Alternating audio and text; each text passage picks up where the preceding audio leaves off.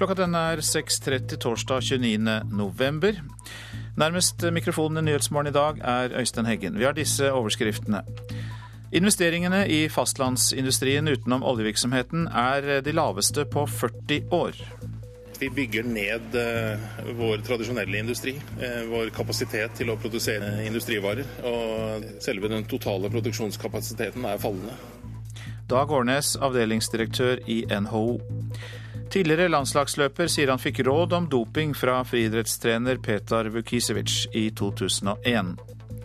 Flytt likestillingen til Arbeidsdepartementet, foreslår lederen av Akademikerne, Knut Årbakke. Da får vi likestillingen der den hører hjemme, for eh, likestilling har utrolig mye med arbeidslivet å gjøre. Mange elever dropper eh, gym og svømming fordi de frykter nakenhet. Hvor de da ut ifra å være misfornøyd eller utilfreds med deler av sitt utseende, bygger opp noe som vi kan karakterisere som en berlinmur rundt seg selv. Erling Bjordal, plastisk kirurg.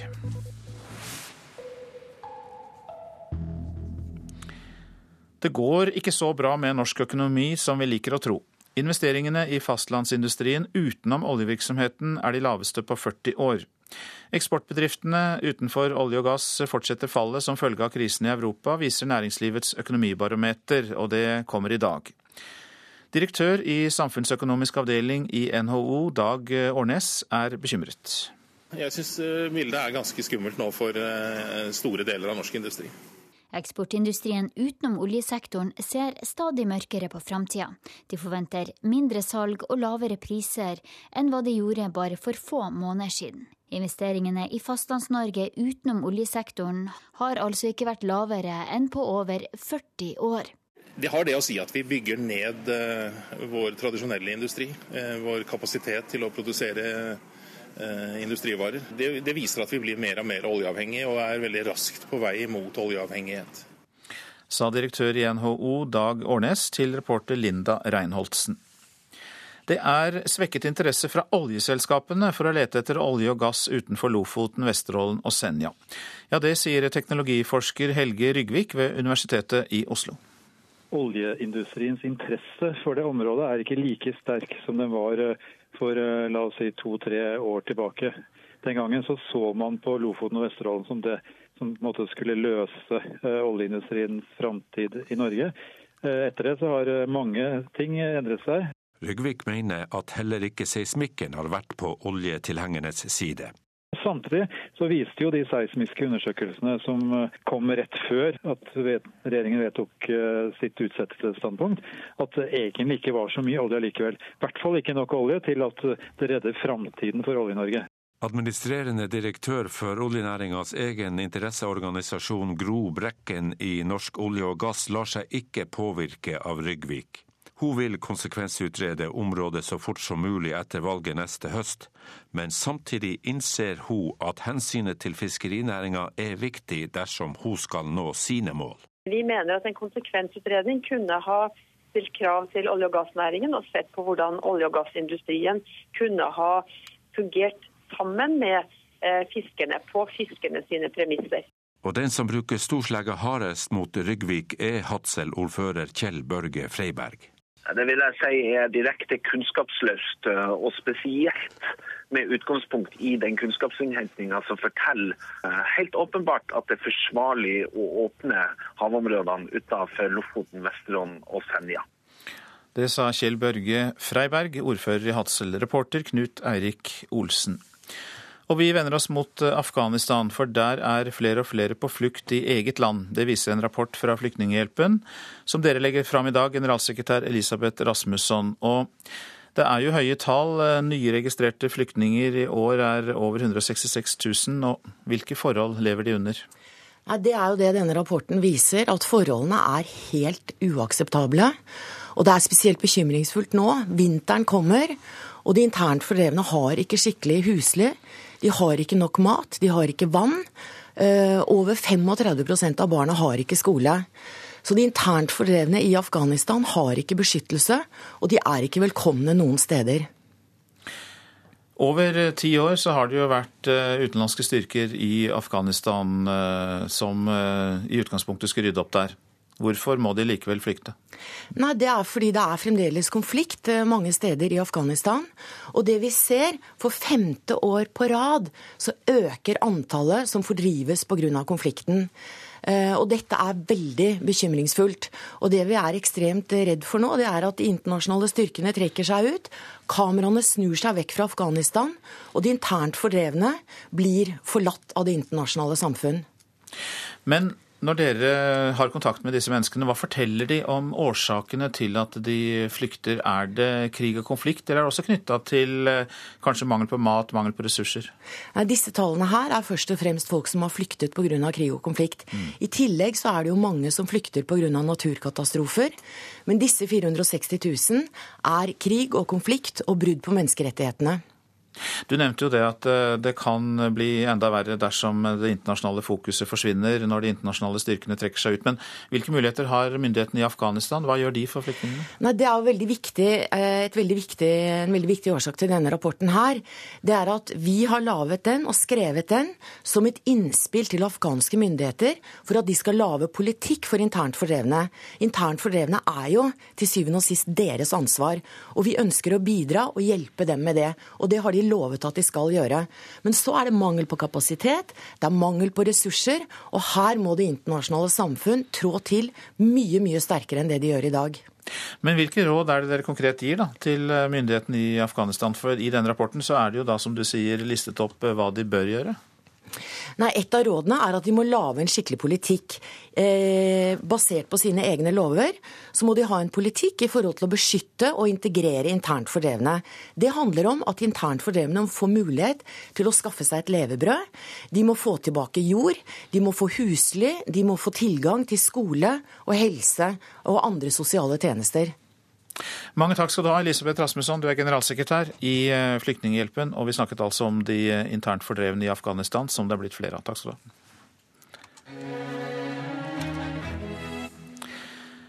Så hjem igjen til likestillingsarbeidet, for det faller mellom alle stoler, mener to av Norges største fagforeninger, Akademikerne og eh, Unio.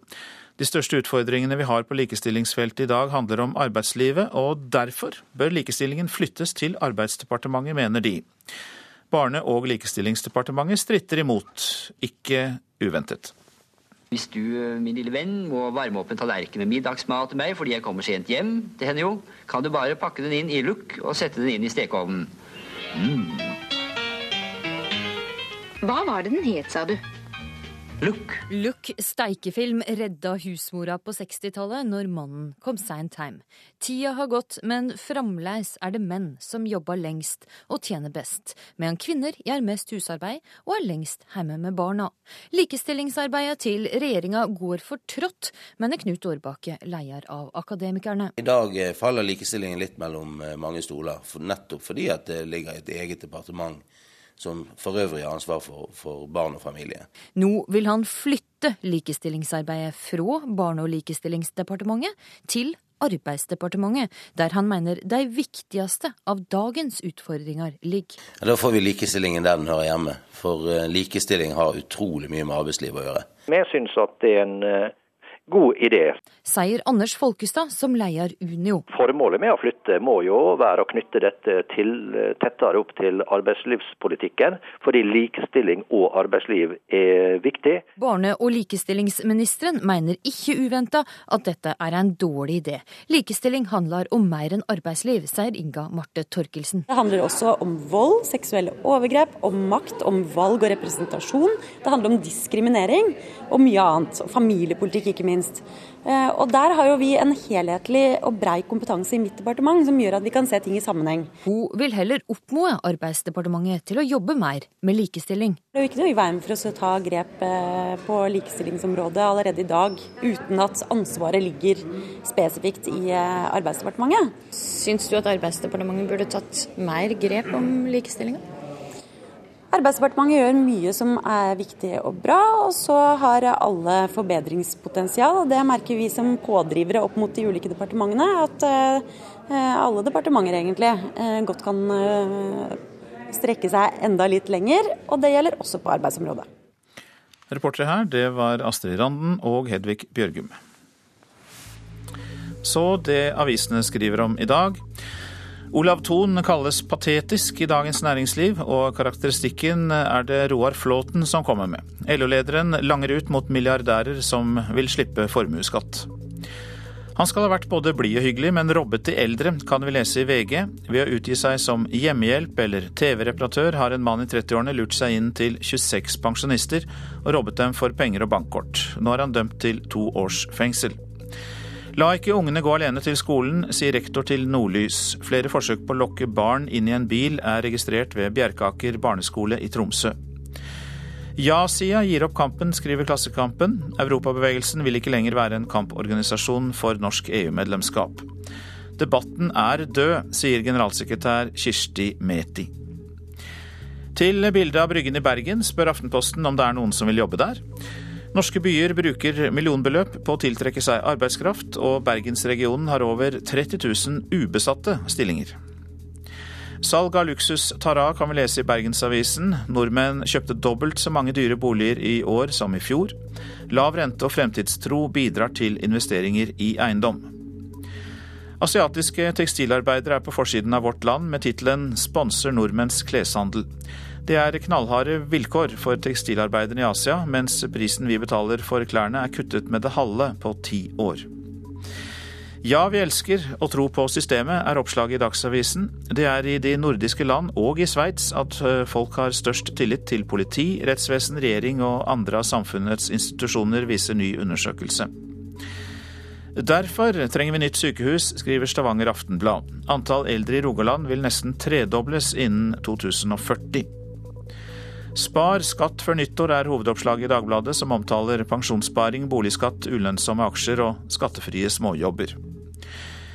Gjødsel lagret ulovlig av eh, gårdsselskapet til olje- og energiministeren, skriver Adresseavisen om. Miljøenheten i Trondheim frykter avrenning av eh, hønsegjødsel som stammer fra et anlegg eid av Ola Borten Moe og broren Per Magnus. Sistnevnte lover å spre møkka til våren og finne en mer hensiktsmessig plass.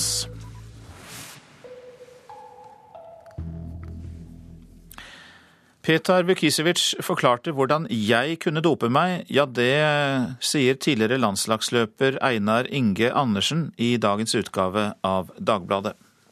Alle mine utøvere står bak meg og støtter meg. Petar Vukicevic har hele tiden hevdet sin uskyld etter at dopinganklagene først ble rettet mot ham tidligere denne måneden. Men i dagens utgave av Dagbladet står hans tidligere elev Einar Inge Aasen frem og sier at det ikke er tilfellet. Mens han og jeg var alene på hotellrommet, begynte Petar plutselig å snakke om doping. Han ba meg ikke direkte om å bruke doping, men han fortalte hva vi måtte gjøre hvis jeg skulle dope meg. Samtalen skal ha funnet sted på en treningsleir ved årsskiftet 2001-2002. Andersen tilhørte norgestoppen på 200 og 400 meter, og ble på begynnelsen av 2000-tallet trent av Vukicevic. Vukicevic har innrømmet at han spurte en utenlandsk trenerkollega om forbudte stoffer i e-poster, sendt fra 2001 til 2003. Friidrettstreneren har samtidig hevdet at deler av innholdet i e-postene er forfalsket av ekskona. Gjennom sin advokat stiller Vukicevic seg uforstående til de nye påstandene fra Aasen. Han har absolutt ikke sagt at noen burde dope seg eller gitt noen oppskrift om det, sier advokat Vidar Strømme, og mener Aasen må ha misforstått.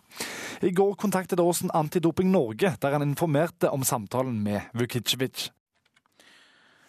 Og eh, den som var reporter her, det var Oddbjørn Vistnes. Og advokat Vidar Strømme har vi hatt kontakt med på morgenen. Forsvareren til Petar Vukisevic eh, sier at han stiller seg helt uforstående til påstandene.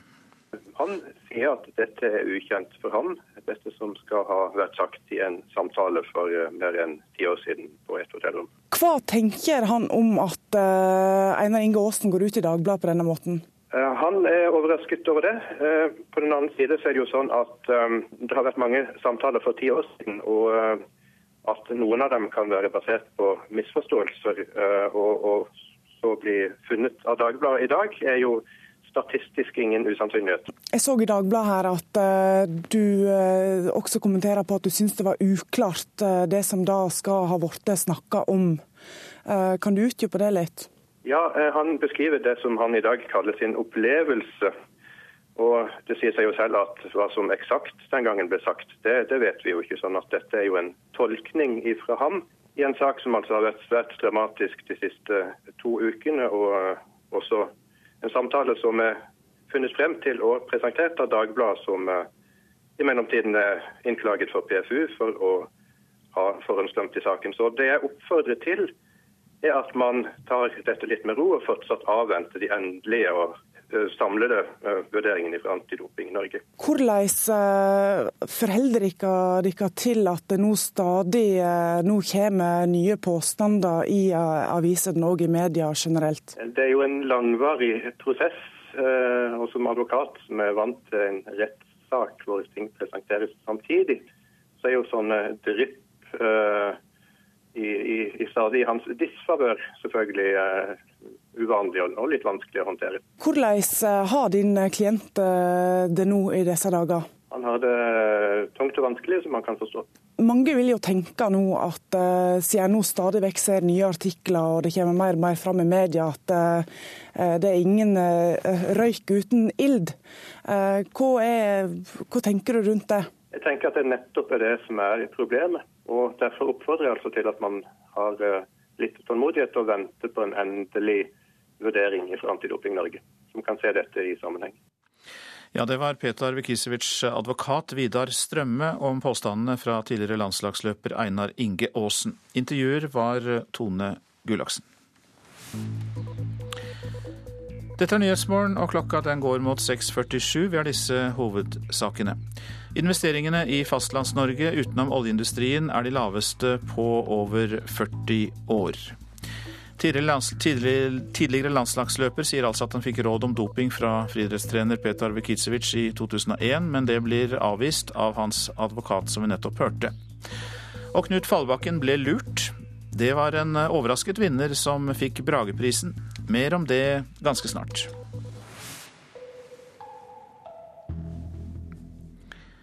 Lærere både i grunnskolen og i videregående skole advarer mot at stadig flere elever dropper kroppsøving og svømmeundervisning fordi de ikke tør dusje uten klær eller vise seg fram i badetøy. For mange blir da løsningen én-til-én-undervisning. Jeg kommer jo, men jeg er ikke kjempegira på å vise meg sjøl i badetøy i eh, skolesammenheng. Før skolelærerstudent Ingrid Angelsen er i svømmebassenget. Det er en del av studiet hun nettopp har begynt på. Hun setter navn på noe som flere og flere ungdommer er opptatt av. Jeg føler meg ikke verre for det. det. det. er noe jeg aldri har egentlig vært kjempeglad i. Litt ekstra mage og litt ekstra lår. Og... Veldig mange jenter de dusjer ikke. De eh, skal ikke skifte i offentlighet. De dusjer med truse. Det gjør de i svømmehallen, det gjør de i gymsalen eller i gymgarderoben. Karin Danielsen på Universitetet i Tromsø lærer opp morgendagens lærere og førskolelærere.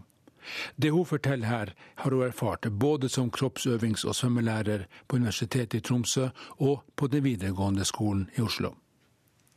Stadig flere barn og unge uteblir, både fra kroppsøvingstimene og fra svømmeundervisninga i skolen. De er redd for å vise frem kroppen sin. Det kan godt være veldig næringer i gymtimene, men eh, de skal ikke kle av seg fremfor andre jenter i garderoben. Vi er i svømmehallen i en liten norsk kommune. Her er det stille, og her er det tørt. Helt tørt. Det, det er lenge siden at bassenget ble tømt fordi det er for dyrt å ha det i drift. Det er en av grunnene til at en økende del av dem som i dag vokser opp, ikke er svømmedyktige. En annen viktig grunn er altså at stadig flere ikke møter opp fordi de ikke vil vise seg fram i badetøy. Nydelige kvinner med alle, i hvert fall kroppslige forutsetninger til å være tilfreds, ikke er det. Hvor de da ut ifra å være misfornøyd eller utilfreds med deler av sitt utseende, bygger opp noe som vi kan karakterisere som en berlinmur rundt seg selv, med store konsekvenser for deres livskvalitet. Det er Erling Bjordal som forteller dette. Han er plastisk kirurg ved Universitetssykehuset Nord-Norge. Han møter jevnlig pasienter som helt uten grunn er misfornøyd med kroppen sin. I skoleverket møter nå kroppsøvingslærerne og svømmelærerne den utfordringa oftere og oftere. Det kan bl.a. rektor Espen Rognlien på Kvaløysletta skole i Tromsø skrive under på. Det er typisk en, en sånn ting som kroppsøvingslærerne og svømmelærere kommer og diskuterer med meg. Hva gjør vi med de her elevene som ikke møter til undervisning, og som heller ikke har noe fritak fra den undervisninga? På Kvaløysletta skole nærmer man seg nå 10% av elevene som ikke ønsker svømmeopplæring. Fram til i høst var en legeattest nok til å frita en elev fra kroppsøving eller svømming, men nå holder det ikke. Det er lovpålagt å lære elevene å svømme. Da må skolen finne andre løsninger, sier Espen Rognlien. Enten én til én eller i små grupper. For noen av de her elevene er avhengig av å ha med seg noen som de føler seg trygge på. For å, for å møte til svømming i det hele tatt. Fordi at dette er, er så problematisk. Og, og for dem så, så gir vi det tilbudet. Hvis vi så på de ti prosentene som ikke ville delta på fellesundervisning, så ville ikke de i en blindtest skille seg ut fra resten av klassen. Og det har jeg flere personlige erfaringer på i, i mitt virke. At det er, det er til dels ingen sammenheng på hvordan man ser ut og hvordan man føler seg. Erling Bjordal møter ofte i jobben sin som plastisk kirurg unge mennesker som ikke har fått hjelp. De som har fått lov til å dyrke et sjølbilde som ikke har rot i virkeligheten. Når man da tar med seg dette opp mot voksen alder, så sitter de ofte da gråtende i konsultasjon når de er 18-20-22 år, og forteller at dette er noe de har slitt med siden de var 12. Denne reportasjen var laget av Jan Riise Pedersen. 13 000 nordmenn står i dag i helsekø for å få psykiatrisk behandling, viser tall fra Helsedirektoratet. Ventetiden i helsekøen kan for noen vare i nærmere et år. Psykologiforeningen mener dette er svært alvorlig. En kvinne fra Vestfold var blant de som måtte vente nesten et år, og ble tvangsinnlagt før hun fikk behandling. Jeg var eh, manisk, eh, delvis psykotisk og eh, paranoid. Jeg hørte stemmer, forsterkede lyder. Eh, ja, var grunnen, eh, jeg var i grunnen så syk som det jeg kunne få blitt. Og jeg var eh, også suicidal, så det var også en grunn til at jeg ble innlagt. sier seg selv det at eh, hvis det er en eh, alvorlig psykisk lidelse som ligger bak, og ikke minst hvis det er mer akutte endringer, så kan vi ikke forholde oss til så lange ventetider. Ja, vi hørte til slutt her leder i Vestfold legeforening, Tom Ole Øren, og altså den anonymiserte stemmen til kvinnen fra Vestfold. Brageprisens hederpris ble i går kveld tildelt forfatteren Knut Fallbakken. Det var en overrasket og glad vinner som sto i blitsregnet. Pressefotografene sto nærmest i kø for å ta bilde av Knut Fallbakken etter Brageprisutdelinga i går kveld. Det var en glad og overraska hedersprisvinner som gikk fra intervju til intervju. Ja, selvfølgelig. Selvfølgelig. Mange takk. Videreført mange av sine sentrale motivkretser i et rikt krimforfatterskap. Men kulturminister Hadia Tajik leste lenge av juryens begrunnelse før det gikk opp for hovedpersonen hvem hun siktet til. Og gjennom sterkt Så begynte det å gå opp noen små lys for meg. Ja, Han skjønte det ikke um, før de nevnte krimforfatterskapet de siste ti årene. Da reagerte han. Det var sønnen Mathias Fallbakken som hadde lurt faren med på utdelinga av den norske bokprisen i Gamle Losjen i Oslo i går kveld. Han er jo ikke særlig glad i å gå på sånne tilstelninger eh, som dette her, så vi måtte finne en unnskyldning for at han skulle komme. Så storyen var at jeg skulle gjøre en slags opptreden som jeg gjerne ville at hele familien skulle se. Så da tromma vi sammen, eh, alle sammen. Brages hederspris 2012 går til Knut Fallbakken. Brages hederspris skal gå til en person eller institusjon som har bidratt til å øke forståelsen og utbredelsen av litteratur. Og det er ingen tvil om at vedkommende oppfyller disse kriteriene. Etter Fallbakkens gjennombruddsroman 'Sin mors hus' i 1969 står han for et av Norges lengste og mest omfangsrike og også leste forfatterskap. Ifølge juryen har han klart å holde seg aktuell og stadig også kontroversiell. Dette er den første store nasjonale litteraturprisen Knut Fallbakken har fått, noe han også poengterte i takketalen. Jeg hadde blitt så vant til ikke å få priser. Knut Fallbakken innrømmer nå etterpå at prisen betyr mye for ham. Svært. Kolossalt. Veldig stort. Som jeg sa, det er en pris til alle bøkene jeg har skrevet, hele det arbeidet de har gjort. Jeg er veldig, veldig takknemlig. Og til sommeren kommer 71-åringen fra Hamar med en ny kriminalroman om Jonfinn Wallmann. 50 sider igjen ca. på en ny krim. Så det kan du hilse leserne mine og, og si. Valmann kommer igjen. Og jeg også.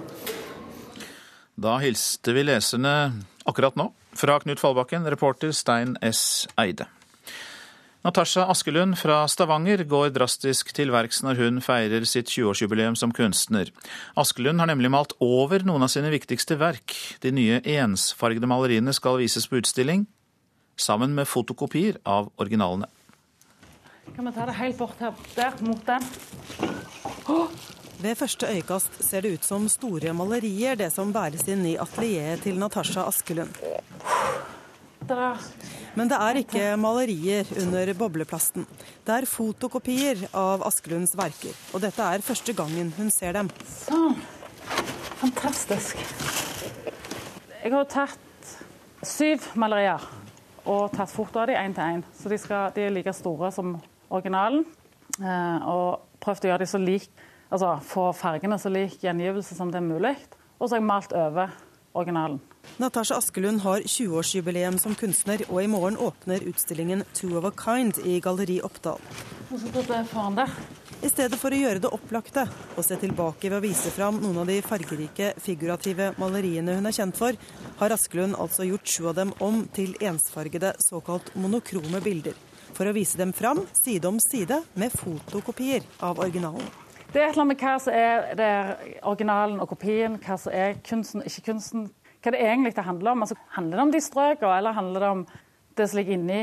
Er liksom innholdet det samme på det, eller er det ikke det? Men Er det ikke fælt å tenke på at det originalen er tapt for alltid, da? Nei, for dette, nå har jeg lagt et nytt verk. Jeg har lagt noe annet. Jeg har jeg ødelagt bildet? Det, det fins jo der. Er det liksom viktig at det, er, at det fins i maleri, eller er det, det er jo akkurat likt, nesten. En av fotokopiene er et stort bilde med to brune hester i bevegelse i midten, omgitt av tett i tett med små flekker i rødt, blått, gult og oransje. Nå finnes det ikke dette maleriet lenger. Det har blitt til et nytt maleri, helt hvitt, og der konturen av hestene bare så vidt kan skimtes.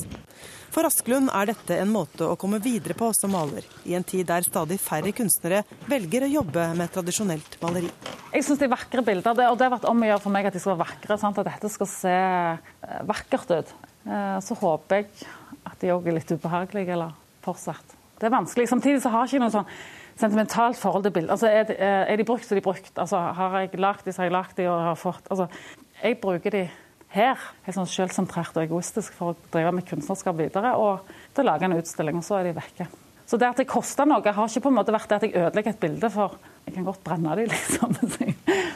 Men det er jo mer det at det, prosjektet, sant? Hva, det, hva det egentlig holder på med, de spørsmålene du stiller, det koster jo å, vite at, å gå på en ukjent vei og ikke vite hvor du skal. Hva tror du reaksjonene blir da? Nei, Jeg vet ikke. Det er jo der risikoen kanskje går til helvete. ja, det sa kunstneren Natasha Askelund til reporter Anette Johansen Espeland.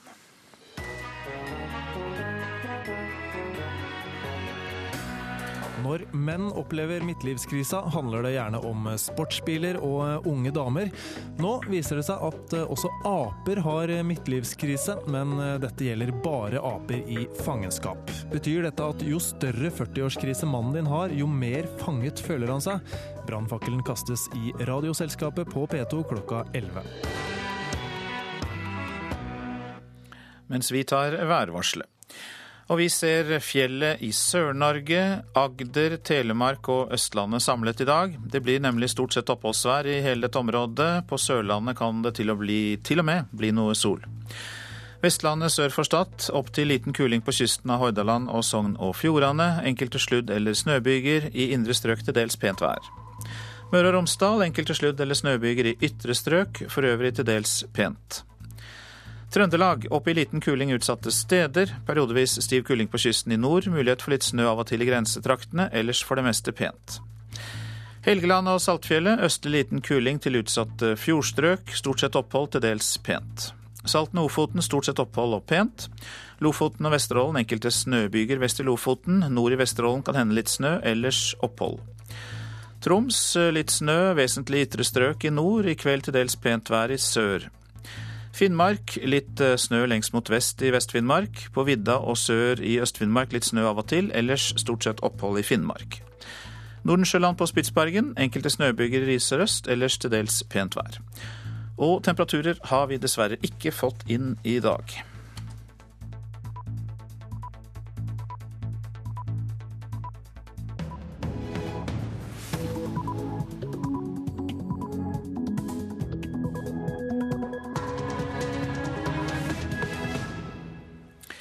Du lytter til Nyhetsmorgen nå klokka sju i studio Øystein Heggen. Vi har en nyhetsoppdatering. Investeringene i fastlandsindustrien utenom oljevirksomheten er på bunnivå. Har ikke vært så lave siden 70-tallet. Det viser at vi blir mer og mer oljeavhengig, og er veldig raskt på vei mot oljeavhengighet. Direktør i samfunnsøkonomisk avdeling i NHO, Dag Årnes. Vegvesenet tilbyr flere og flere trafikkmeldinger på mobilen, selv om du ikke kan lese meldingene mens du kjører. Det vil være farlig, og det vil være i de aller fleste tilfeller helt ulovlig. UP-sjef Runar Karlsen. Palestinernes søknad om oppgradert status i FN splitter stormakter som USA og Frankrike, og vi skal kommentere dette noe mer seinere i sendinga. Jeg fikk råd om doping fra friidrettstrener Petar Vukicevic, sier tidligere landslagsløper. Flere og flere skoleelever tør ikke vise seg fram nakne, og dropper derfor dusjing og bading.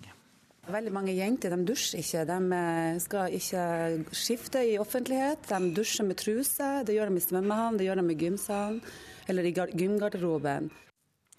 Gym- og svømmelærer Karin Danielsen.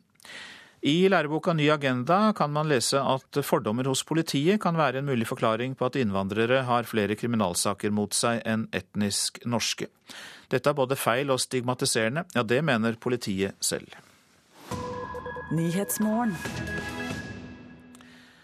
Europakrisen rammer nå norsk næringsliv for fullt. For det går ikke så bra med norsk økonomi som mange liker å tro. Den tradisjonelle industrien blir bygd ned, og investeringene utenom den oljerelaterte industrien lå på det laveste på over 40 år. Tidligere ansatte i RSE i Porsgrunn går sin 1. juli møte uten jobb. Over 200 har fortsatt ikke arbeid å gå til. Ja, det blir jo, Jeg har jo klart å få meg barnebarn og greier, og det, føler litt på det at du må være litt forsiktig i forhold til julegaver og oppfølging rundt høytiden og sånn, men vi gjør så godt vi kan. Gavebudsjettet blir annerledes uten jobb for Rune Sørensen. Så får vi heller være sammen, det er liksom det som er det blir det som er det viktige i jula, da. Han finner noen få industrijobber utenfor oljenæringen når han søker. Det er en hard kamp om beinet. Du hører jo om eh, enkelte stillinger som har fra 80-90 opp til 200 søkere. Rundt 500 mistet jobben da REC ble lagt ned på Herøya i vår. 200 av dem står fortsatt uten jobb i dag. De er mennesker og tall bak en ny sannhet om norsk næringsliv. Den gjør sjeføkonom i NHO Dag Årnes bekymret. Jeg syns eh, bildet er ganske skummelt nå for eh, store deler av norsk industri. Stikk i strid med hva vi er vant til å høre, nemlig at alt går så bra her i annerledeslandet. Eksportindustrien utenom oljesektoren ser stadig mørkere på framtida.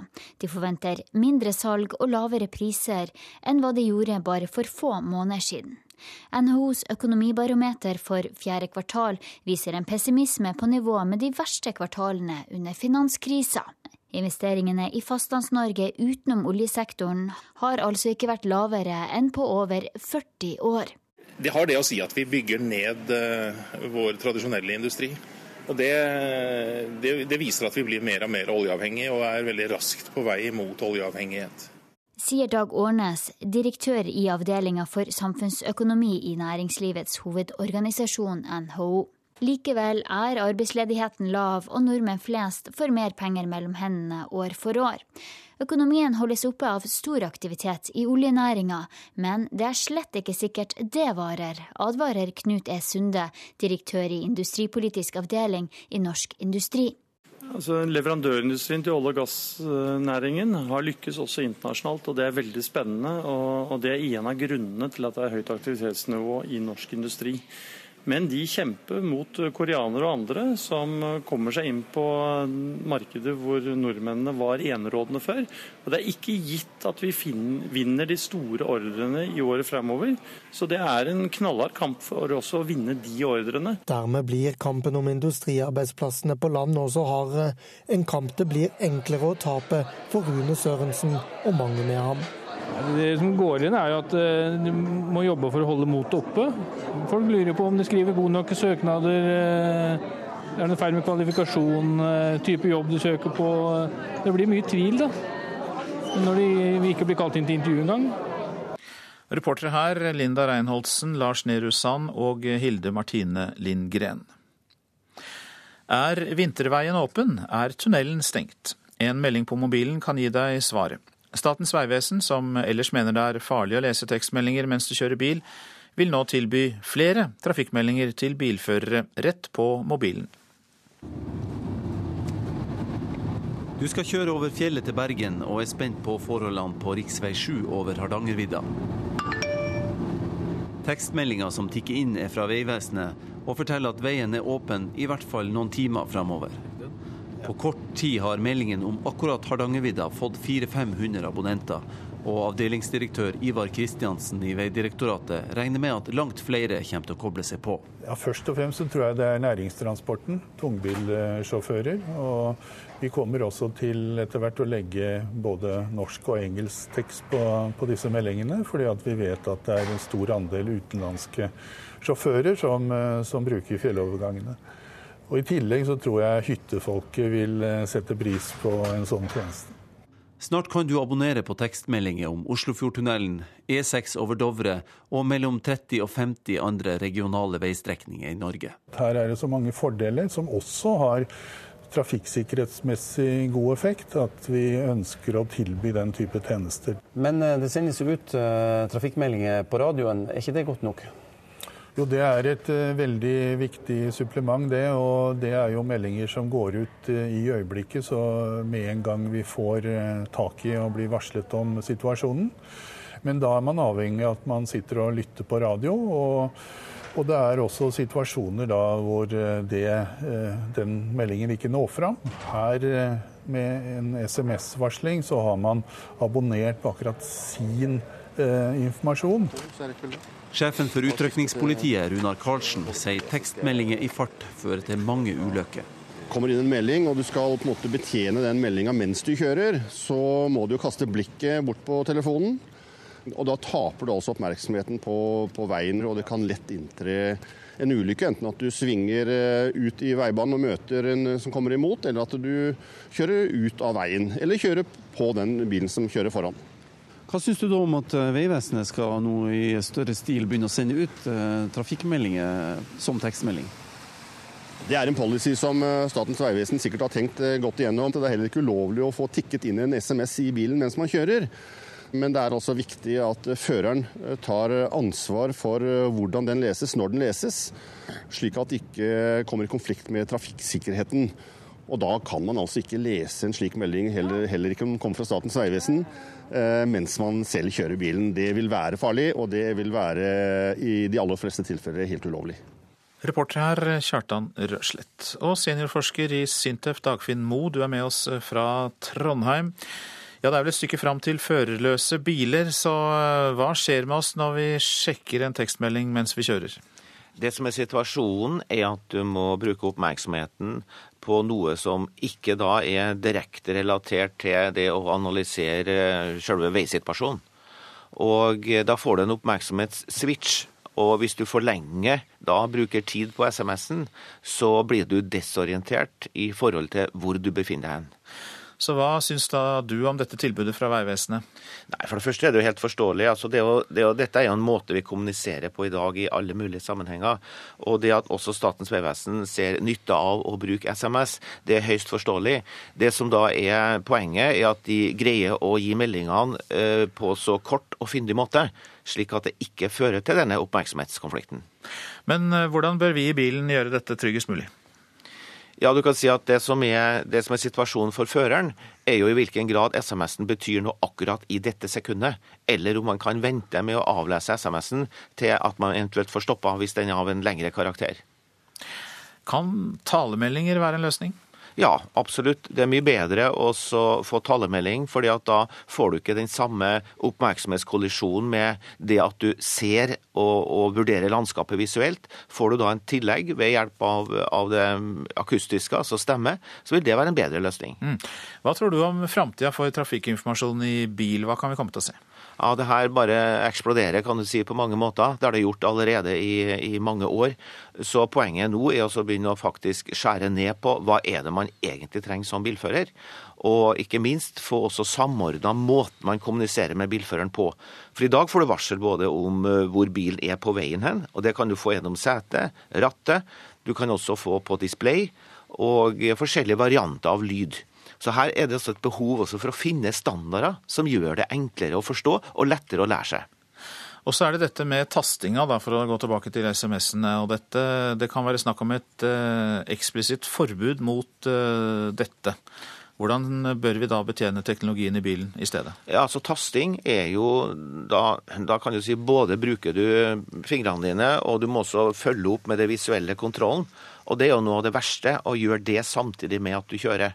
Så i hvilken grad man da iverksetter her et lovverk som forbyr å gjøre det. Og i prinsippet så ligger det jo der gjennom at du ikke skal drive på med forstyrrende aktiviteter mens du kjører.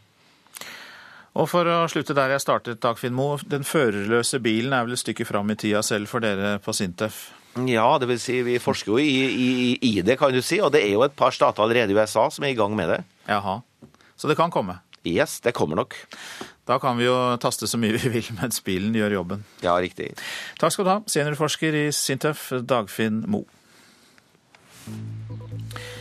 Klokka den passerte nettopp 7.11. Vi har disse hovedsakene.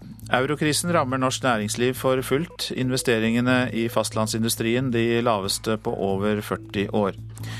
Flere og flere skoleelever tør ikke vise seg fram nakne og dropper eh, dusjen i gym- og svømmetimene. En tidligere landslagsløper sier han fikk råd om doping av friidrettstrener Petar Bukisevic. Palestinernes president Mahmoud Abbas legger i kveld fram palestinernes søknad om oppgradert status til observatørstat uten stemmerett i FN. Søknaden splitter stormakter som USA og Frankrike, men det er ventet at et overveldende flertall i FNs hovedforsamling vil gi sin støtte til oppgraderingen. I 38 år har PLO og palestinerne hatt observatørstatus i FN. Nå ønsker de å bli oppgradert til observatørstat uten stemmerett. I dag er det bare Vatikanet som har en slik status i FN. Palestinernes FN-ambassadør Riyad Mansour kaller dagens avstemning et historisk øyeblikk både for det palestinske folk og for FN. That would be a historic moment in the struggle of the Palestinian people and moment in the history of the United Nations. FN-ambassadøren ber om respekt for palestinernes kamp, og håper morgendagen vil kunne skape et nytt forhandlingsklima med Israel som vil gjøre slutt på okkupasjonen. To create a conducive atmosphere to go to negotiation in order to uh, reach an agreement with Israel that will end the occupation that started in 1967. Men en talsmann for Israels statsminister stempler palestinernes forslag som intetsigende. De får kanskje et papir fra FN, men de vil verken oppnå fred eller egen palestinsk stat gjennom dette fremstøtet, fastslår talsmannen Mark Redgiff. The Palestinian move at the United Nations is unfortunately an exercise in futility. They can get pieces of paper from the UN, but they're not going to move peace forward. They're not going to make Palestinian statehood more real. USA kommer til å stemme mot forslaget om å oppgradere palestinernes status i FN. EU-landene er splittet i sitt syn. Tyskland sier nei, Storbritannia er usikre, mens Spania og Frankrike sier ja. Den franske utenriksministeren Laurent Fabius er ikke i tvil om sin støtte. Quand la question sera posée, la France répondra oui par souci. Norge og Danmark gir også sin klare støtte til palestinernes nye FN-framstøt. Palestinernes president Mahmoud Abbas kom hit til New York i går, og kommer til å ha en rekke møter i løpet av dagen for å forberede ønsket om den palestinske oppgraderingen i FN. Det er ventet at palestinernes anmodning vil få støtte av minst 150 av de 193 medlemslandene i FNs hovedforsamling når avstemningen finner sted sent i kveld norsk tid. Jon Gelius, New York. Utenrikskommentator her i NRK, Gro Holm. For å ta én ting først, som folk kanskje lurer litt på. I mange år så har jo palestinerne hatt observatørstatus, og nå vil de bli observatørstat. Hva er forskjellen? Ja, for det første så er det Den palestinske frigjøringsorganisasjonen, altså en organisasjon som har hatt observatørstatus. Mm. Når de blir opphøyet til observatørstat, så er det for det første ligger det en, en slags anerkjennelse av at her snakker vi om en, en stat, en palestinsk stat, og det er en stor forskjell. Mm. Og så er det også dette at palestinerne heretter kan fremme egne forslag i hovedforsamlingen og en del av under underorganisasjonene, bl.a. Den internasjonale straffedomstolen.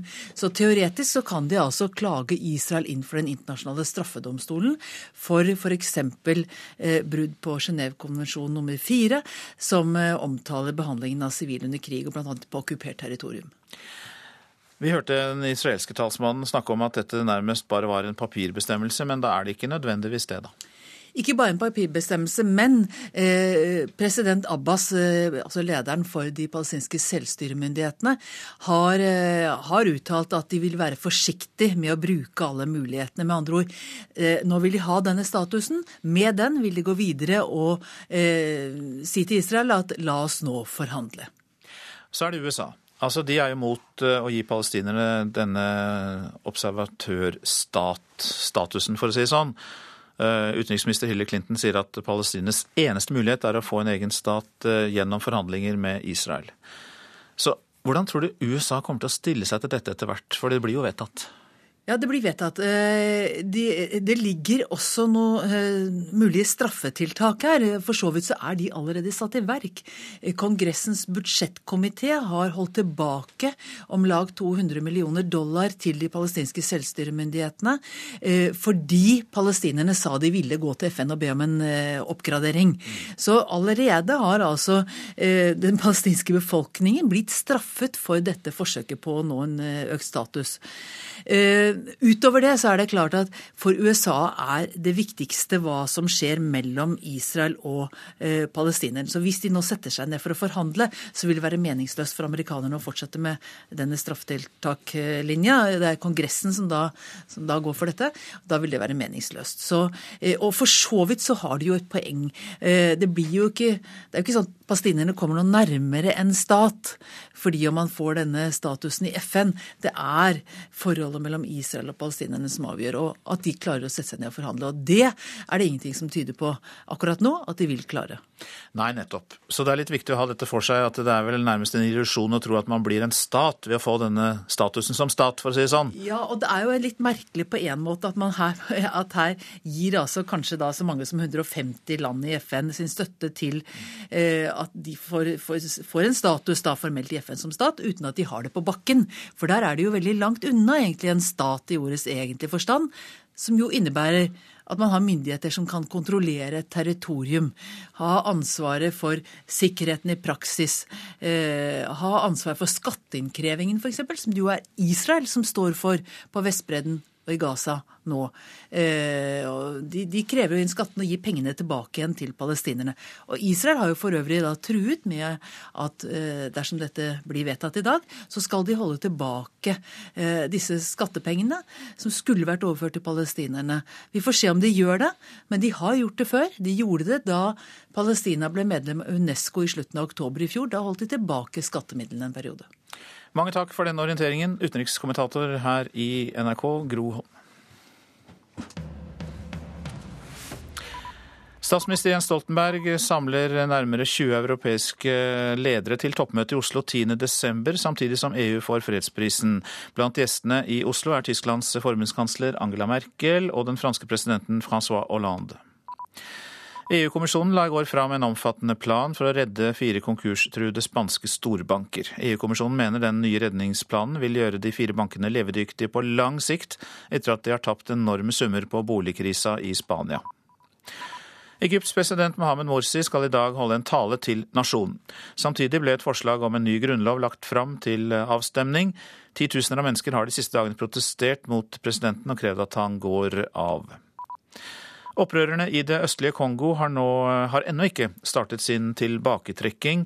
Opprørsstyrkene har lovet å være ute av området innen fredag, men har fortsatt full kontroll over Goma og andre byer som de har tatt fra regjeringsstyrkene. Storbritannia nå. For åtte av ti briter ønsker en lovregulering av pressen. Det viser ferske undersøkelser. I dag får regjeringen rapporten fra den rettslige høringen etter avlyttingsskandalene i avisen News of the World i fjor. Men så er det stor uenighet om hvilke tiltak som må til. Hugh Grant er mest kjent som skuespiller i rollen som klumsete brite. Men det siste året har han tatt rollen som frontfigur for gruppen Hacked Off, ofre for presseetiske overtramp. What people are campaigning for is an end to newspapers being able to regulate themselves, marking their own homework. Folk ønsker en slutt på at pressen regulerer seg selv, sier Hugh Grant. Åtte av ti briter ønsker seg et lovregulert, uavhengig kontrollorgan for pressen, viser ferske undersøkelser. Men blant pressefolk og politikere er det mange som mener det ikke er mulig å kombinere lovregulering med uavhengighet. Blant dem over 80 parlamentsmedlemmer som i et åpent brev til avisa The Guardian oppfordrer regjeringen om å holde seg langt unna lovregulering av pressen. Det bør være absolutt siste utvei, sier parlamentariker og dermed lovgiver Connor Burns. Han tilhører statsministerens konservative parti og mener et frivillig kontrollorgan som pressen forplikter seg å delta i, er en bedre løsning.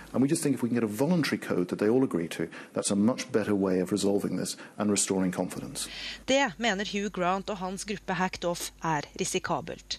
Han mener det må være bestemt ved lov at aviser og mediehus må underlegge seg et kontrollorgan. Ellers blir det som det alltid har vært, et pressens faglige utvalg der pressen er boken som passer havresekken.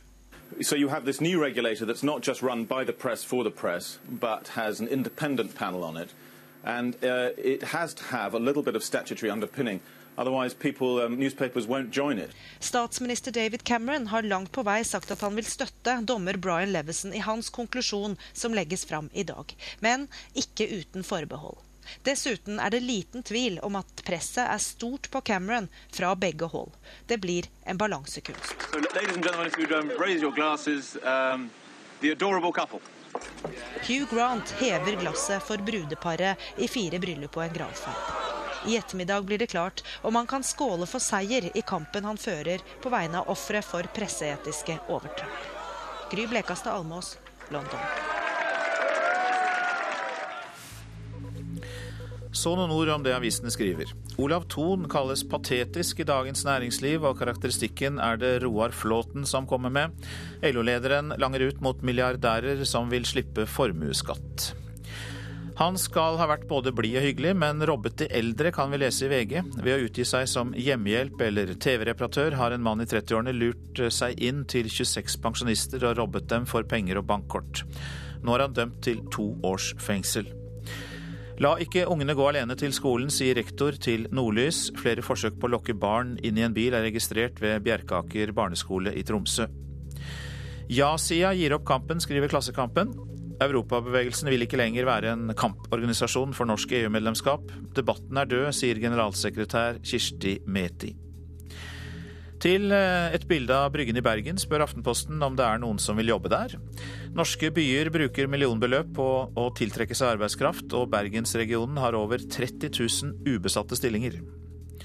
Salg av luksus Tara kan vi lese i Bergensavisen. Nordmenn kjøpte dobbelt så mange dyre boliger i år som i fjor. Lav rente og framtidstro bidrar til investeringer i eiendom. Asiatiske tekstilarbeidere er på forsiden av Vårt Land med tittelen 'Sponser nordmenns kleshandel'. Det er knallharde vilkår for tekstilarbeiderne i Asia, mens prisen vi betaler for klærne er kuttet med det halve på ti år. Ja, vi elsker å tro på systemet, er oppslaget i Dagsavisen. Det er i de nordiske land og i Sveits folk har størst tillit til politi, rettsvesen, regjering og andre av samfunnets institusjoner, viser undersøkelse. Derfor trenger vi et nytt sykehus, skriver Stavanger Aftenblad. Antall eldre i Rogaland vil nesten tredoble seg innen 2040. Spar skatt før nyttår er hovedoppslaget i Dagbladet, som omtaler pensjonssparing, boligsalg, ulønnsomme aksjer og skattefrie småjobber. Gjødsel lagret ulovlig av eh, gardselskapet til olje- og energiministeren, skriver Adresseavisen om. Miljøenheten i Trondheim frykter avrenning fra hønsegjødsel som stammer fra et anlegg eid av Ola Borten Moe og broren Per Magnus. Sistnevnte lover å spre møkka til våren og finne en mer hensiktsmessig plass.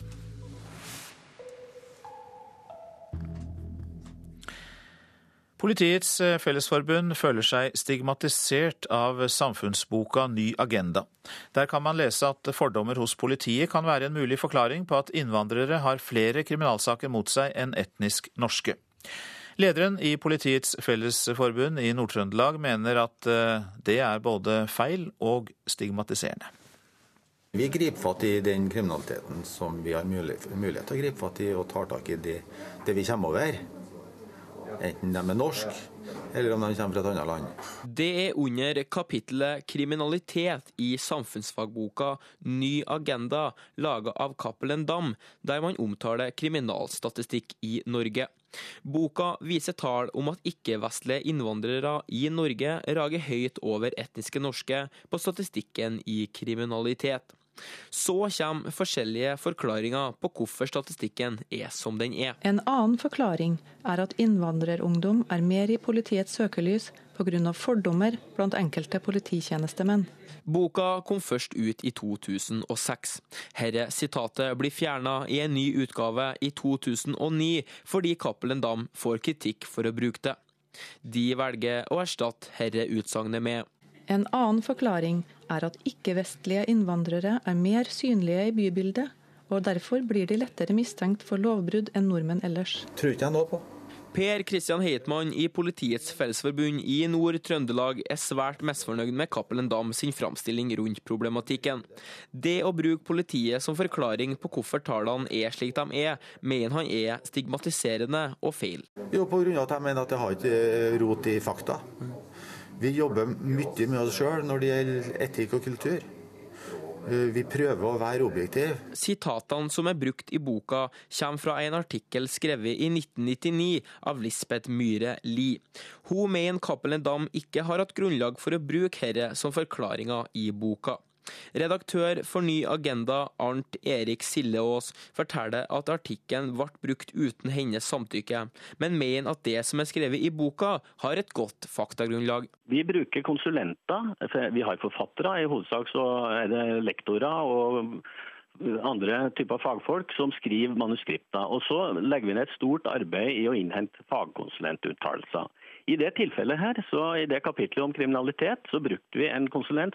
Og eh, han eh, har faktisk nå, eh, fire år etter at han leste teksten for første gang, gått god for den, eh, den formuleringa. Ny Agenda har et opplag på omkring 8000 bøker som brukes i norske skoler.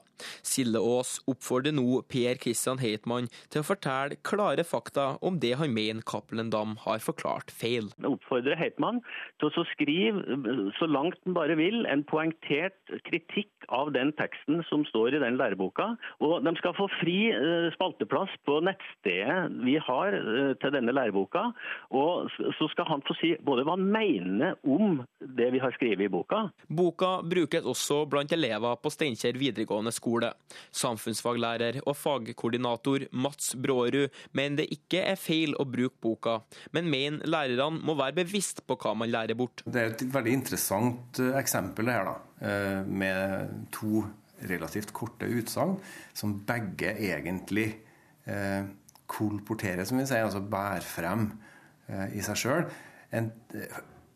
Et syn på politiet, eller fordommer imot politiet, med tanke på at de skal ha fordommer. Altså, Det blir en sånn sirkelfordom der. da. Og når, når, boka gjør det uten å kommentere eller uten å problematisere det sjøl, så blir det jo eh, veldig viktig at man har med profesjonelle og kompetente lærere å gjøre. Som ser det her, og som kan på et vis da nettopp bruke boka som eksempel på at eh, fordommer er problematisk. Politiet har utvikla seg, og samfunnet har utvikla seg. Og menneskeheten har utvikla seg. Vi er ikke det samme i dag som vi var i 99. Og reporter her, det var Johannes Børstad. Hver dag blir 900 barn smittet av hiv verden over. Likevel er det håp om at vi er på vei mot en aids-fri generasjon. Det får dere mer om i reportasjen etter Dagsnytt. Økonomibarometeret for Norge og trenering av klager for barn, ja det er de to temaene for Politisk kvarter. Produsent for Nyhetsmorgen Silje Katrine Bjarkøy, her i studio Øystein Heggen. Og jeg minner om at du kan laste ned hele Nyhetsmorgen som lydfyll eller podkast. Mer informasjon om det finner du på nrk.no.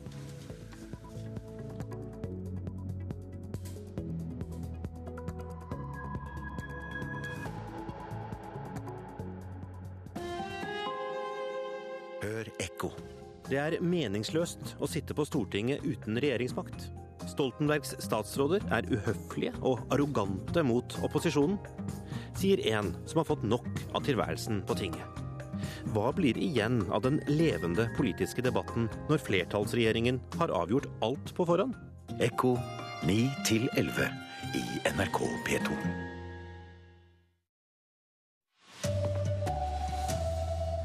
Eurokrisa rammer norsk industri for fullt. Investeringene i industrien i Fastlands-Norge når bunnivå. Mange skoleelever tårer ikke å vise seg fram i dusjen eller i badety. Og Petar Vukicevic stiller seg uforstående til nye dopingskyldninger. Ja, god morgen, her er NRK Dagsnytt, klokka er 7.30. Eurokrisa rammer norsk næringsliv for fullt, for det går ikke så bra med norsk økonomi som mange liker å tro. Store deler av eksportindustrien blir bygd ned, og investeringene utenom den oljerelaterte industrien er de laveste på over 40 år. Tidligere ansatte i RSE i Porsgrunn går nå sin første juli møte uten jobb. Over 200 har fremdeles ikke arbeid å gå til. Jeg har jo eh, klart å få meg barnebarn og greier, og det jeg føler litt på det at du må være litt forsiktig i forhold til julegaver og oppfølging rundt høytiden og sånn. Gavebudsjettet blir annerledes uten jobb for Rune Sørensen. Så får vi heller være sammen, det er liksom det som er det, det som er det viktige i jula, da. Rundt 500 mistet jobben da REC ble lagt ned på Herøya i vår. 200 av dem står fortsatt uten jobb i dag. De er mennesker og tall bak en ny sannhet om norsk næringsliv. Den gjør sjeføkonom i NHO Dag Årnes bekymret. Jeg syns bildet er ganske skummelt nå for store deler av norsk industri. Eksportindustrien utenom oljesektoren ser stadig mørkere på framtida. De forventer mindre salg og lavere priser enn hva de gjorde bare for få måneder siden. Investeringene i Fastlands-Norge utenom oljesektoren har altså ikke vært lavere enn på over 40 år. Det har det å si at vi bygger ned vår tradisjonelle industri. Det, det viser at vi blir mer og mer oljeavhengig og er veldig raskt på vei mot oljeavhengighet. Likevel er arbeidsledigheten lav, og nordmenn flest får mer penger mellom hendene år for år. Økonomien holdes oppe av stor aktivitet i oljenæringa, men det er slett ikke sikkert det varer, advarer Knut E. Sunde, direktør i industripolitisk avdeling i Norsk Industri. Altså, leverandørindustrien til olje- og gassnæringen har lykkes også internasjonalt. og Det er en av grunnene til at det er høyt aktivitetsnivå i norsk industri. Men de kjemper mot koreanere og andre som kommer seg inn på markedet hvor nordmennene var enerådende før. Og Det er ikke gitt at vi vinner de store ordrene i året fremover. Dermed blir kampen om industriarbeidsplassene på land også hardere. En kamp det blir enklere å tape for Rune Sørensen og mange med ham. Du hører jo om enkelte stillinger som har fra 80-90 opp til 200 søkere. Det blir mye tvil da, når de ikke blir kalt inn til intervju engang. Reportere her var Linda Reinholdsen, Lars Nehru Sand og Hilde Martine Lindgren. Europabevegelsen gir opp kampen for norsk EU-medlemskap etter 18 års kamp. Organisasjonen vil i stedet arbeide med andre spørsmål knyttet til europeisk samarbeid, sier generalsekretær Kirsti Meti til Klassekampen. Europabevegelsen åpner også for at EU-motstandere kan bli medlemmer. Lærere både i grunnskolen og videregående skole advarer mot stadig flere at stadig flere elever dropper kroppsøving og svømmeundervisning fordi de ikke tårer å dusje uten klede eller vise seg fram i badetid. Jeg kommer jo, men jeg er ikke kjempegira på å vise meg sjøl i badetøy i skolesammenheng. Før skolelærerstudent Ingrid Angelsen er i svømmebassenget. Det er en del av studiet hun nettopp har begynt på. Hun setter navn på noe som flere og flere ungdommer er opptatt av. Jeg føler meg ikke verre for det. det. Det er noe jeg aldri har egentlig vært kjempeglad i. Litt ekstra mage og litt ekstra lår. Og... Veldig mange jenter de dusjer ikke. De skal ikke skifte i offentlighet. De dusjer med truse. Det gjør de i svømmehallen, det gjør de i gymsalen eller i gymgarderoben. Karin Danielsen på Universitetet i Tromsø lærer opp morgendagens lærere og førskolelærere. Det hun forteller her, har hun erfart både som kroppsøvings- og svømmelærer på Universitetet i Tromsø og på den videregående skolen i Oslo.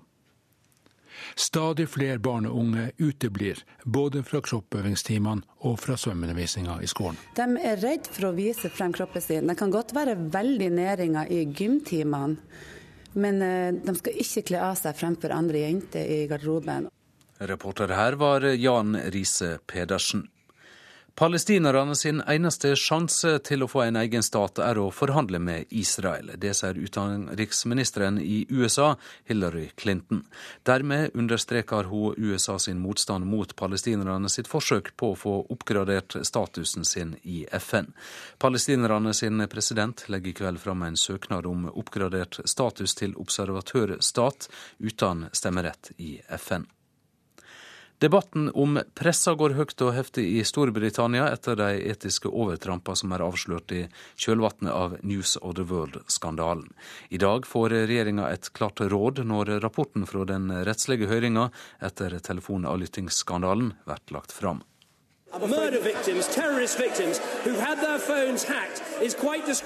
Skandalen rystet hele Storbritannia med full styrke i fjor sommer.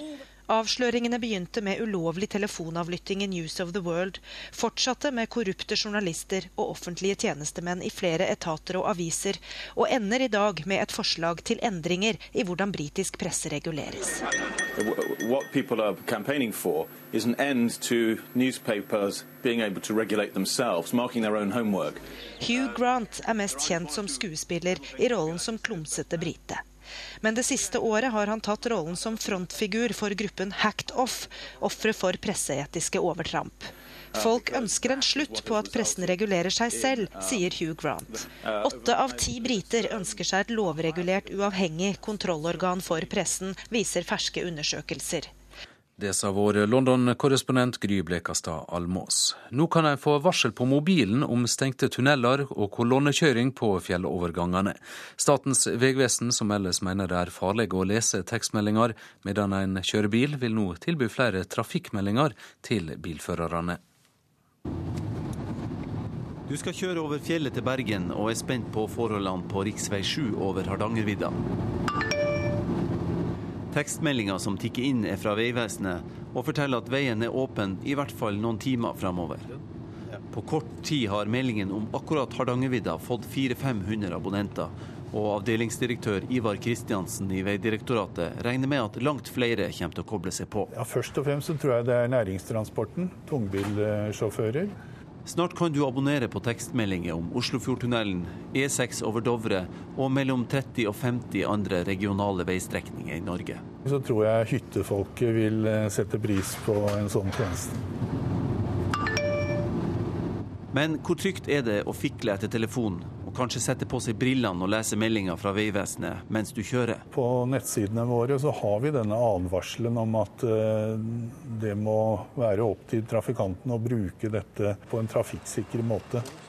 Sjefen for utrykningspolitiet, Runar Karlsen, regner med at Vegvesenet har tenkt nøye gjennom det de har satt i gang, for tekstmeldinger har ført til mange ulykker. Det forstyrrer kjøringen.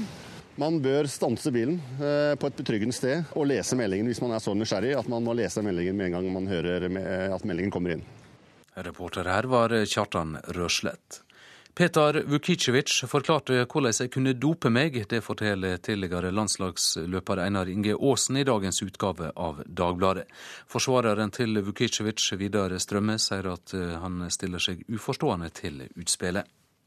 Han sier at dette er ukjent for ham, dette som skal ha vært sagt i en samtale for eh, mer enn ti år siden på et hotellrom. I Dagbladet i dag forteller den tidligere landslagsutøveren i friidrett at Petar Vukisevic på en treningsleir i årsskiftet 2001-2002 skal ha forklart hvordan han kunne dope seg. Mens han og jeg var alene på hotellrommet, begynte Petar plutselig å snakke om doping. Han ba meg ikke direkte om å bruke doping, men han fortalte hva vi måtte gjøre hvis jeg skulle dope meg. Strømme sier at Vukisevic ikke kjenner seg igjen i dette. Eh, han er overrasket over det. Eh, på den annen side så er det jo sånn at um, det har vært mange samtaler for ti år At noen av dem kan være basert på misforståelser, det er jo statistisk ingen usannsynlighet. I midten av november innrømte Petar Vukisevic at han hadde forhørt seg om bruken av forbudte stoff i e-poster til en trenerkollega, etter at ekskona Turi Syftestad sendte e-postene til Antidoping Norge. Tidligere denne veka gikk sønnen og dattera til Vukisevic ut og støtta han. Det er utrolig vondt og ufattelig og uvirkelig at vår trener blir beskyldt for det han har blitt beskyldt for. Advokaten til Vukisevic, Vidar Strømme, sier folk bør vente til saka er ferdig vurdert med å dømme. Derfor oppfordrer jeg altså til at man har eh, litt tålmodighet og venter på en endelig vurdering fra Antidoping Norge, som kan se dette i sammenheng. Reporter Tone Gullaksen. Ansvarlig for sendinga Bjørn Kristian Jacobsen, teknisk ansvarlig Per Ivar Nordahl, og i studio Odd Kristian Dale.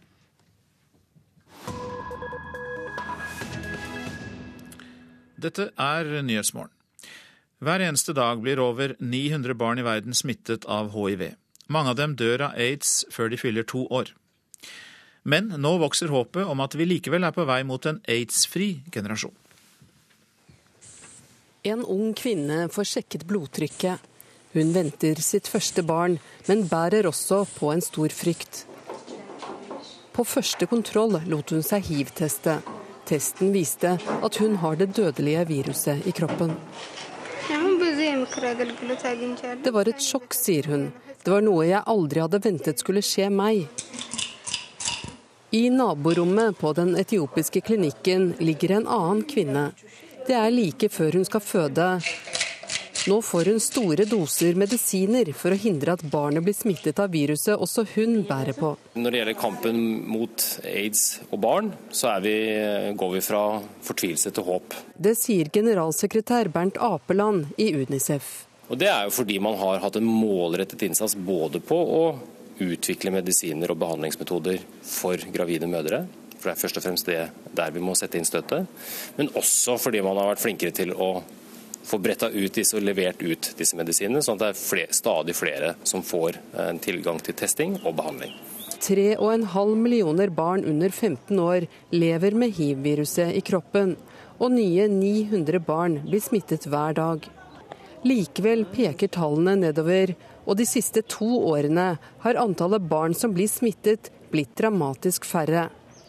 Drømmen om en aids-fri generasjon vokser. Selv om mødrene og fedrene er smittet, så skal barna få vokse opp friske. Det er jo egentlig et eventyr der vi står nå. For det, det var ikke mange lyspunkter hvis du går tilbake igjen til 2000, eh, begynnelsen av 2000-tallet og fram til 2005, hvor antall dødsfall eh, steg hvert eneste år. For lenge var det ikke noe håp, ingen medisiner. Da medisinen som skulle bremse sykdommen kom rundt årtusenskiftet, var den for dyr, i hvert fall for de fattige landene.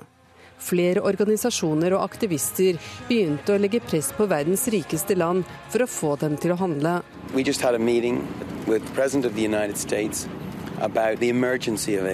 En av dem var vokalisten i U2, Bono. Og president George W. Bush lyttet og handlet. Today on the continent of Africa, nearly 30 million people have the AIDS virus. Only 50,000 i Afrika har nærmere 30 millioner mennesker aids. Bare 50 000 får nødvendige medisiner. Jeg har bedt Kongressen om å bruke 15 milliarder dollar de neste årene for å hjelpe de hardest rammede landene, sa han. Talen vakte oppsikt og fikk også andre land til å åpne lommeboka halvparten, og litt over halvparten av all finansiering av kampen mot hiv og aids finansieres av USA. Og eh, George Bush sitt initiativ, som senere har blitt fulgt opp eh, av eh, Obama, er helt avgjørende. På klinikken i Etiopia får noen gravide medisiner for ikke å smitte barnet de bærer på. Men det er et stykke igjen. Vi står akkurat på kanten til å få til en aids-fri generasjon. Men vi må passe på at vi nå ikke snubler på oppløpet. Vi ser at uh, for første gang de siste tiårene at bidragene fra den vestlige verden går noe ned. Men skal vi klare å nå målet vårt, så må investeringene og bidragene til forebygging og behandling av aids, hiv og aids uh, øke med 20-30 milliarder kroner de nærmeste tre årene. Bernt Ampeland i UNICEF til reporter Åse Marit Befring. Investeringene i fastlandsindustrien utenom oljevirksomheten er på bunnivå og har ikke vært så lave siden 70-tallet. Det er en av hovedsakene i dag. Flere og flere skoleelever tør ikke vise seg fram nakne, og dropper både dusjen og gym- og svømmetimene. Og friidrettstrener Petar Vikicevic nekter for å ha gitt en tidligere utøver råd om doping. Og eh, så til deg, eh, programleder Bjørn Bø for Politisk kvarter. Trange tider for fastlandsindustrien er tema også hos deg. Hva svar har Industripartiet, Arbeiderpartiet og Høyre, spør vi. Og barneretter er sak i Stortinget i dag.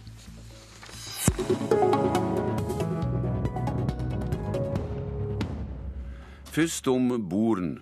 Tillegget til FNs barnekonvensjon om klagerett for den enskilde skaper hovedbry og strid. Norge har ikke skrevet under på tillegget, og i dag ber Stortinget regjeringa greie ut føremoner og ulemper ved å skrive under. Leder i UNICEF Norge, Bernt Apeland, du kaller dette trenering. Hva er så ille? I disse dager så er det ett år siden FNs generalforsamling vedtok dette tillegget. Eh, og det er eh, ti måneder siden det ble lagt ut for eh, signering. Norge har visst lenge at dette kom til å komme. Norge var blant forkjemperne til å få på plass Barnekonvensjonen. Norge var de første til å skaffe et barneombud til barna sine. Eh, men fortsatt sitter den norske regjering og sier at eh, vi er engstelige for hvilke konsekvenser denne, dette tillegget vil ha. Hvorfor er denne klagemekanismen så viktig etter ditt syn, og hva er det? Klagemekanismen gir norske barn rett til å klage på brudd på Barnekonvensjonen. Og det er det som er viktig. Du gjør barn til eh, rettssubjekter. Du styrker barns posisjon. Og du styrker barns posisjon inn mot norsk lover og norsk praksis. Eh, det kan være eh, f.eks. Når barn ikke føler at de får de ytelsene de trenger. Det kan være i forbindelse med barnefordelingssaker. Det kan være i forbindelse med utsendelsessaker, som vi nå ser. Og det kan være i forbindelse med f.eks. det som vi i UNICEF har vært veldig opptatt av, at enslige mindreårige asylsøkere ikke blir tatt hånd om av barnevernet. Utgangspunktet for saka i Stortinget i dag er at hele opposisjonen gjorde framlegg om å be regjeringa få fortgang i denne underskrivinga. Men hele utenrikskomiteen i Stortinget står nå bak ei tilråding om utgreiing. I komiteen er ikke Venstre med, og partileder Trine Skei Grande. Hvorfor er også du misnøyd med det dine opposisjonelle venner har vært med på? Nei, Jeg er veldig skuffa over det som nå skjedde i utenrikskomiteen. Det var Venstre sitt initiativ å lage et eh, privat forslag i Stortinget om å få Eh, ratifisert og implementert dette her i norsk lovverk. Det var vi som siste gang det var en tilleggsprotokoll, fikk det på plass. Vi var også vi i Venstre som satt med justisministeren når vi fikk implementert hele Barnekonvensjonen mm. i norsk lovverk. Så dette har vi kjempa for lenge. Og jeg er utrolig skuffa over at det ble stoppa i utenrikskomiteen, og at vi kommer til å stå alene med forslaget i salen i dag. Det har ikke lykkes å få andre, enten fra posisjon eller opposisjon, til å komme hit, så jeg, jeg får sitere fra tilrådinga der alle de andre partiene konstaterer at bare to land har skrevet under på tillegget, og at tillegget heller ikke er iverksatt, og at en merker seg at utenriksministeren mener det trengs oversyn over konsekvenser. Grande, det er vel rimelig å gjøre dette litt grundig? Ja, men det har regjeringa hatt god tid til, å gå den grundige gjennomgangen. Jeg også lurer på hva det er de tror de kommer til å finne. Hva er det for noen negative konsekvenser som ingen andre har hørt om? Mm. Det andre som jeg ser for oss som jobber med barnerettigheter internasjonalt i mange land, så blir jo dette brukt imot oss. Det at vi ikke engang har godtatt denne tilleggsprotokollen. Hvorfor skal vi da mase på andre land om barnerettigheter, når vi er så dårlige på det sjøl? Eh, og hvilke signaler det gir når da Stortinget vedtar at de antar at det har negative følger, mm. en sånn innføring, det tror jeg at vi som jobber med barnerettigheter internasjonalt, kommer til å møte tilbake igjen rett i fleisen. Bernt Apeland, dersom du tar kraftig i, hva negative følger kan en se? Ja, så det du ser, er at barn får ikke de rettighetene de skal ha. Nei, men jeg mener, Hva negative følger kan det være av å ratifisere I forhold til det, norske, samfunnet? Nei, altså Det Utenriksdepartementet har vært redd for, at det begrenser det norske politiske handlingsrom. og det er jo klart, mm. Enhver internasjonal konvensjon har det til hensikt å, å, begrense det politiske handlingsrom mot en ting som vi ikke syns er bra. Eh, jeg eh, vil overlate til Utenriksdepartementet å si noe om det. Jeg er bare veldig opptatt av at den utredningen som nå kommer, og bare for å ha sagt det, det er 35 land som har under, eh, undertegnet, men det jeg er veldig opptatt av, er at den utredningen utredningen som vi nå får, og det er bra vi har fått en tidslinje på at den kommer, i hvert fall, eh, det er at den også må utrede hvilke fordeler eh, en sånn konvensjon har for barn. Og Det har heldigvis eh, både opposisjonen og posisjonen nå sagt i, i komiteen. Siden andre ikke er med her, Grande, mener du at dette er et sivilisasjonsspørsmål? Jeg mener at menneskerettighet er kanskje noen av de mest grunnleggende tingene vi, vi bygger samfunnet vårt på. Det at vi har individuelle rettigheter. Og vi har vært gode til å ratifisere andre konvensjoner som går på voksne. Mm. Jeg skjønner ikke hvorfor man har den enorme sperra når det gjelder barn sine rettigheter, og hvorfor ikke barn skal ha de samme menneskerettighetene som voksne har. Jeg mener at barn skal ha det større rettsvernet det er, fordi at de er barn. Eh, og jeg skjønner ikke hva det er som er problemet, men jeg frykter jo at det f.eks. er asylbarn og sånn som ligger bak her. At det er noen barn som ikke skal ha de rettighetene, men noen. Men Bernt Apeland, det er vel ikke slik at Norge er et dårlig samfunn for barn? Det er jo som Trine Skei Grande sier her, at uh, Barnekonvensjonen er jo blitt en del av norsk lov. Vi har uh, fått uh, et barneombud. Det er mange gode rettigheter for barn. Men vi er altså ikke best i klassen, og det syns jeg at Norge bør være. Grande, er det slik at Venstre nå vil ta nye initiativ i høve til resten av Stortinget? Ja, Vi kommer til å henge på dette, for vi tror at det går an å få til. Det som jeg tror er viktig å ta med seg, det er at Norge også prøver å påvirke andre land når det gjelder barnerettigheter og menneskerettigheter. Og da må vi sørge for at vi har orden i eget hus. Takk til dykk for denne omgangen. Så får vi høre hvordan dette går da, Grande.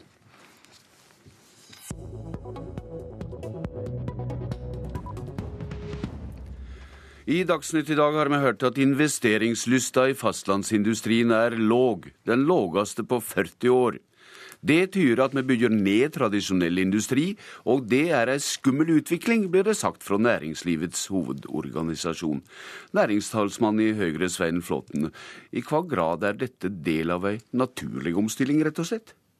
Ja, Det er nok noe del av en naturlig omstilling, men det er først og fremst et eh, resultat av at eh, olje- og gassindustrien har vært eh, sterk, at den har vært kostnadsledende, og at vi nå har et kostnadsnivå som er opp mot 60% høyere enn det var i 2006. Og det er ingen naturlig omstilling. Det er fordi at ikke vi har gjort nok for å motvirke nettopp dette, for å ikke hjelpe fastlandsindustrien, men sørge for å stimulere den også, samtidig med den andre økonomiske utviklingen regjeringen. Og der, eh, der har eh, den sittende regjeringen mm.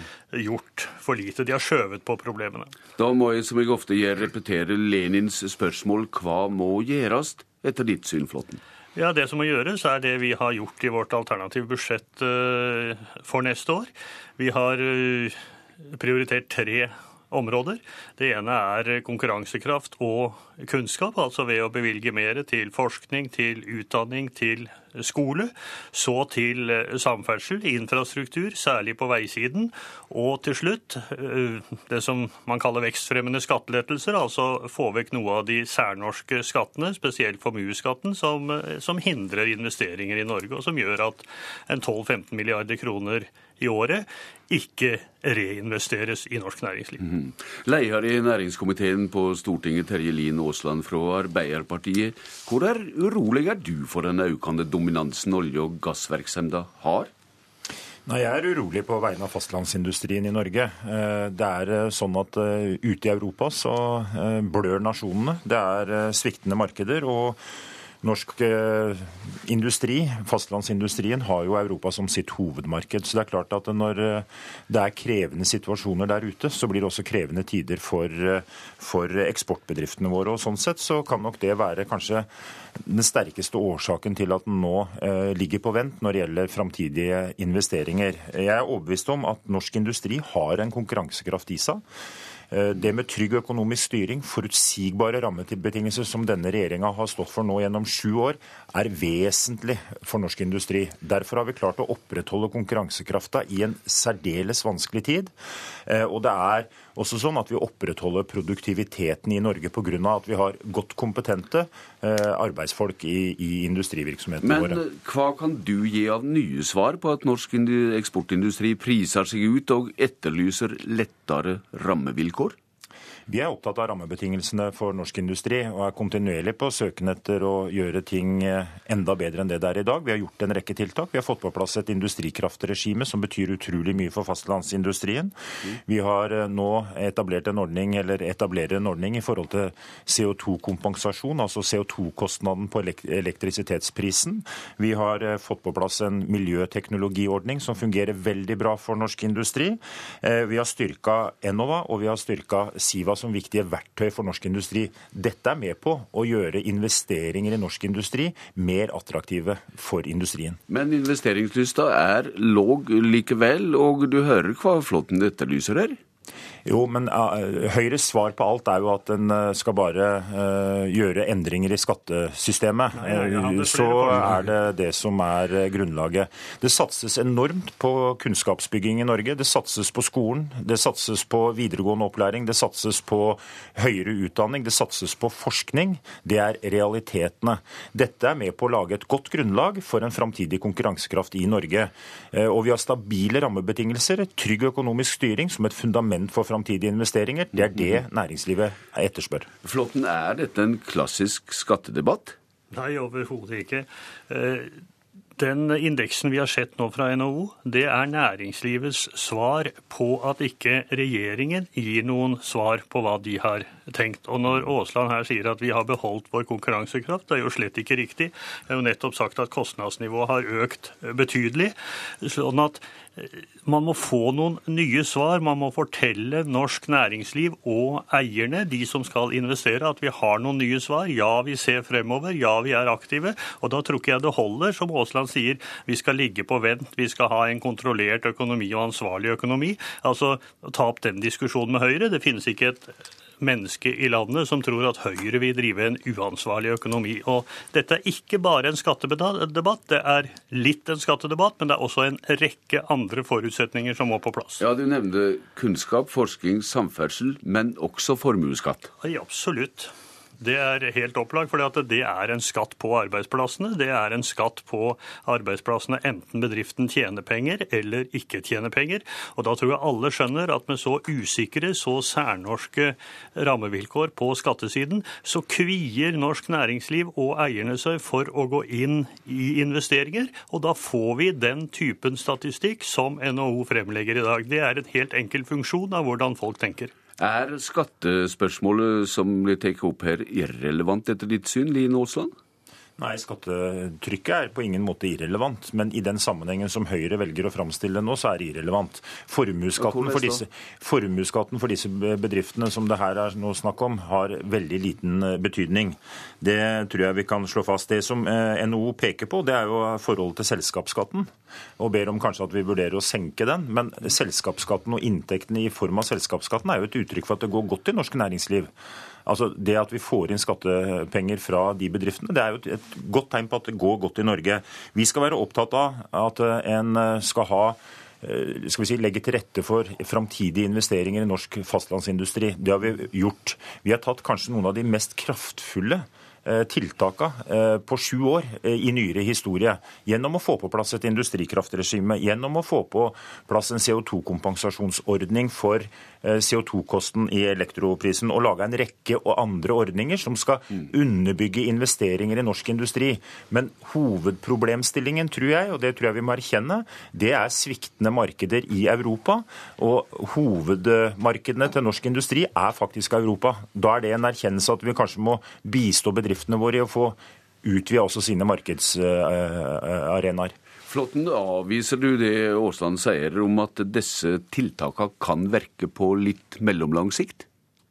Ja, alle tiltak virker jo på litt lengre sikt, men eh, regjeringen har ingen tiltak. Og når, og når Aasland med referanse til skattedebatten sier at den er irrelevant, altså er det en irrelevant debatt at man beskatter norske investeringer, og at norske investorer da ser på dette før man investerer, det er jo helt, det er et helt umulig utgangspunkt. Og når det gjelder Europa, så vil kjøpekraften i Europa gå ned. Men det er jo ikke slik at vi har den samme konkurransekraften. Vi må forbedre den. Hvis ikke kan vi ikke konkurrere. Det kommer bare til å bli verre. Og det er det jeg mener at Aasland ikke tar inn over seg. Og jeg har ikke i løpet av disse minuttene hørt et eneste ord om man har tenkt å forbedre den konkurransekraften, annet enn ved små inngrep. Smartere enn konkurrentene, det er vel relevant, Aasland? I, I, konkurransesammenheng at uh, norsk industri kan være smartere enn konkurrentene? Ja, og norsk industri leverer veldig gode resultater. Altså, Vi ligger i topp når det gjelder produktivitet. Eh, en har eh, klart å opprettholde en høy industrisysselsetting i Norge, til tross for eh, finanskrise og nå eurokrise og det tilbakeslaget som er i Europa.